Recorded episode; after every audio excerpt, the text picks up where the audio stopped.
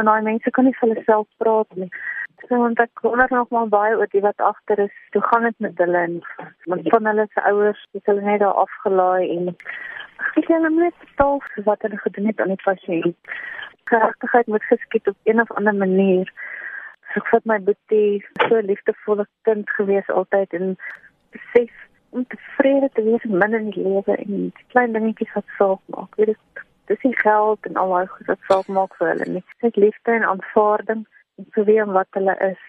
Ja, as ek terugdink aan die tyd wat vir hom gaan kuier het, weet ek mis dit nog steeds en ek wil hulle hulle moet betaal vir hulle dade. Weet, dit geld, jy kan nie 'n prys sterk aan 'n lewe sit nie. Maar die geregtigheid moet net geskied. Dis al wat ek wil hê moet gebeur. En jou boetie spesifiek, hoe is hy oorlede? Weet jy, hy het oorlede, hy het begin ontwater en uh, ondervoeding. Ek het hom by 'n privaat dokter gehad op 'n stadium. Hy het my gesê die kind is baie siek, hy moet baie vloeistof inkry en uh, hulle het nie van genoeg vloeistof gegee nie, so hy het begin ontwater. En uh, dis hoe alles begin het met die skrywerry van Life IC daai groep wat hulle die pasiënte oorgeplaas het en weer teruggeplaas het. So dit het sy tol geëis op hom. Dit het 'n groot verskil gemaak in sy lewe. Dit het baie nadelig was. Dit was Sandra de Villiers, haar broer was een van die SDMN pasiënte wat gesterf het.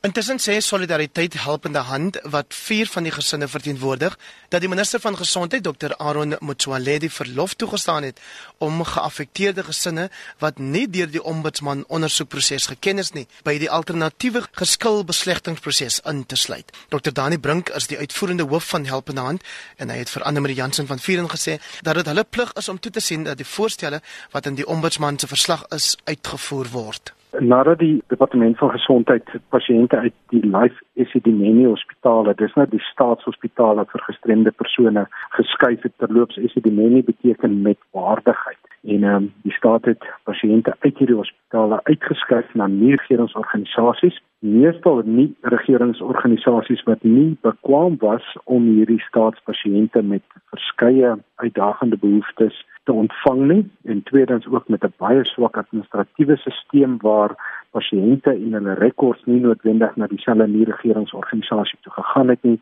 Het hierdie chaos uitgebreek. Pasiënte is baie sleg behandel. 'n Klomp van hulle is dood. Ek dink op hierdie stadium 114 nou goed die ombudsman moes gaan kyk het na hierdie proses na wat verkeerd geloop het en het 'n verslag opgestel waarop daar nou 'n proses is van mediasie wat dan nou gevolg word die minister van gesondheid het dan nou 'n komitee aangestel met 'n spesifieke alternatiewe geskilbeslegting om kompensasie vir die pasiënte aan te bied wat deur hierdie grouwe nalatigheid aangespreek word.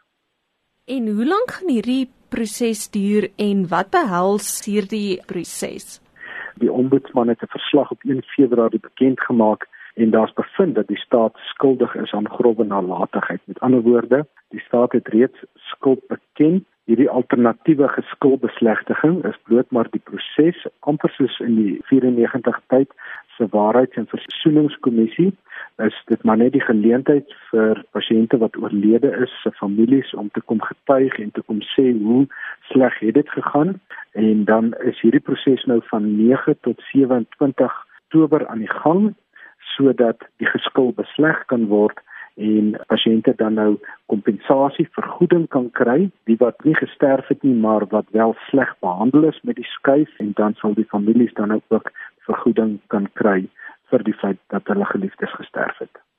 Julle regsverteenwoordigers wil ook tydens hierdie proses lig werp op gesinne wat nie ingesluit is nie. Hoekom is hierdie gesinne tydens die ondersoekproses oorgeslaan of uitgelaat?